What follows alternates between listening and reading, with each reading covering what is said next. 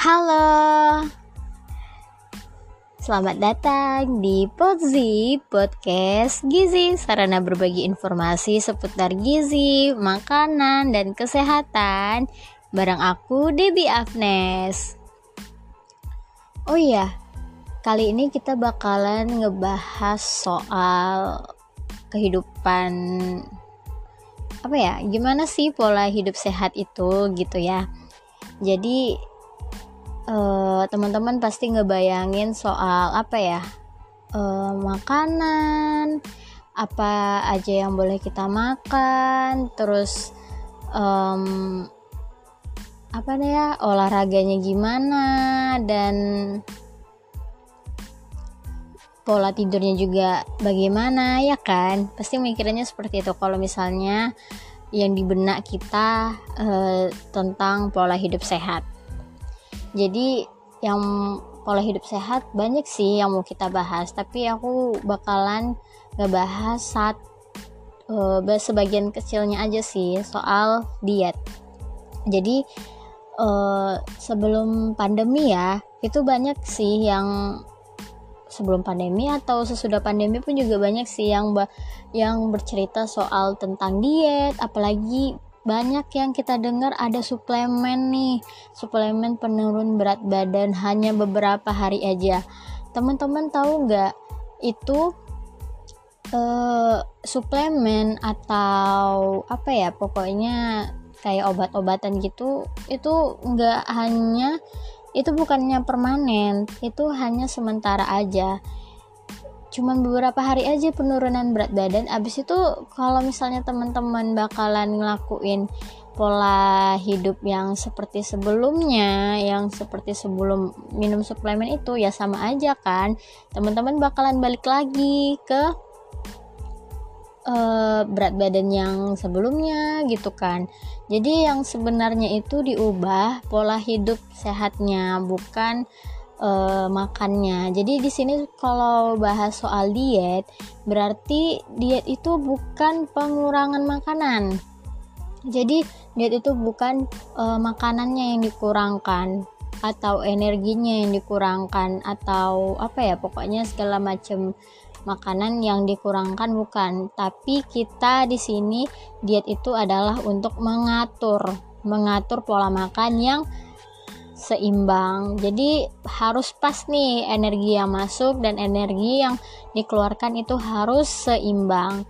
Jadi uh, kita nggak mau kan menzolimi, menzolimi tubuh diri kita sendiri gitu kan. Sedangkan kita ha, perlu nih butuh uh, sumber zat gizi yang ada di makanan itu gitu.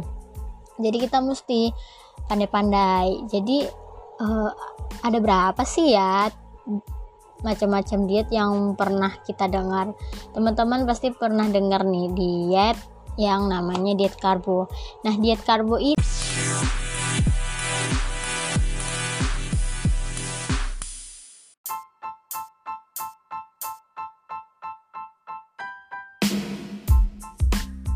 Nah, yang pertama itu adalah diet karbo. Teman-teman uh, bakalan gak asing lagi nih sama nama-nama dietnya. Diet karbo ini itu pengurangan konsumsi uh, karbohidrat dari nasi kentang ataupun dari bahan makanan yang mengandung karbohidrat lainnya. Terus yang kedua itu adalah diet mayo. Diet mayo ini lebih mengedepankan konsumsi vitamin dan mineral yang bersumber dari sayur-sayuran dan buah-buahan. Sedangkan konsumsi protein dan karbohidratnya itu seimbang. Terus yang ketiga ada namanya diet keto. Nah, diet keto ini sumber energinya itu berasal dari lemak dan protein. Jadi sebenarnya ya, sumber energi kita itu kan awal sumber energi kita itu sebenarnya kan awalnya kan dari karbohidrat kan. Jadi diet keto ini menggantikan sumber energi dari karbohidrat menjadi lemak dan protein gitu. Jadi untuk pengolahan e, makanan dari diet keto ini itu biasanya melalui proses penggorengan, misalnya ikan goreng e, ataupun daging yang digoreng. Ikan protein tuh kan, terus daging pun juga protein um, digoreng dengan minyak yang mengandung lemak gitu. Terus yang keempat ada namanya diet food combining. Nah diet ini hampir sama dengan diet mayo yaitu lebih mengutamakan lebih mengutamakan vitamin dan mineral yang berasal dari sayur-sayuran dan buah-buahan.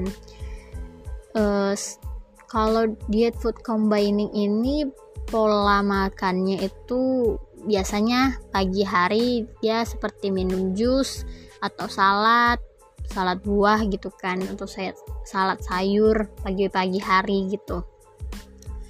Nah untuk orang yang apa ya proses pencernaannya itu sehat tidak ada masalah ini nggak nggak apa nggak beresiko gitu.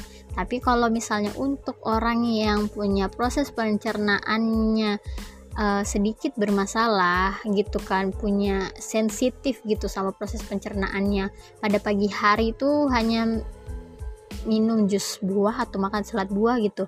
Ya ini beresiko untuk mereka gitu. Jadi untuk teman-teman yang mau diet itu ya harus dikonsultasikan dulu lah dengan ahli gizinya gitu kan. Apa yang dirasain gitu maunya gimana gitu. Jadi ya lebih baik harus dikonsultasikan dulu dengan ahli gizinya. Jadi biar disarankan sama ahli gizinya tersebut diet apa yang lebih baik dijalankan. Tapi sebenarnya ya ada satu diet yang paling disarankan sama ahli gizi. Ya itu apa sih nama nama dietnya? It, nama dietnya yaitu diet gizi seimbang. Teman-teman uh, udah pada tahu lah ya diet gizi seimbang itu seperti apa. Iya konsumsi karbohidrat protein lemaknya itu ya seimbang sesuai dengan apa yang yang dibutuhkan oleh tubuh kita gitu. Diet konsumsi gizi seimbang itu konsumsi karbohidratnya sekitar 60 sampai 70%, terus proteinnya 10 sampai 15% dan lemaknya 20 sampai 25%.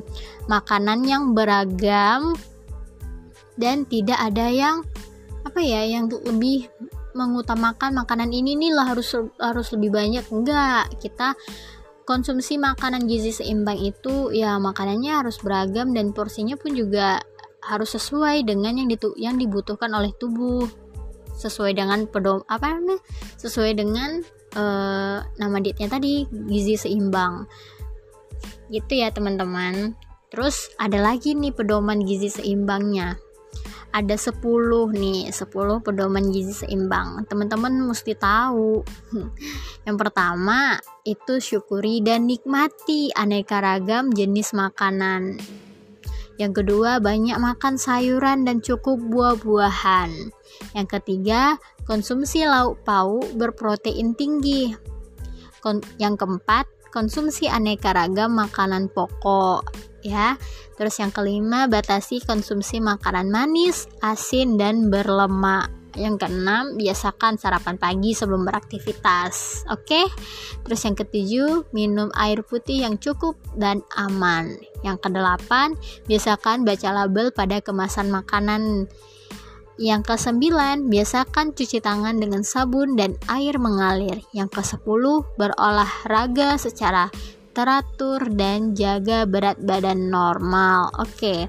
Jadi 10 pedoman gizi seimbang ini benar-benar apa ya kayak ngerangkum gitu apa yang terjadi dalam hidup kita. Jadi pokoknya dari pokok e, dari olahraganya juga ada dibahas di sana tentang makanan apa ya kayak minum air putihnya juga terus syukuri gitu kan. Dia harus disyukuri nikmati aneka ragam jenis makanan gitu. Pokoknya lengkap deh pedoman gizi seimbang gini.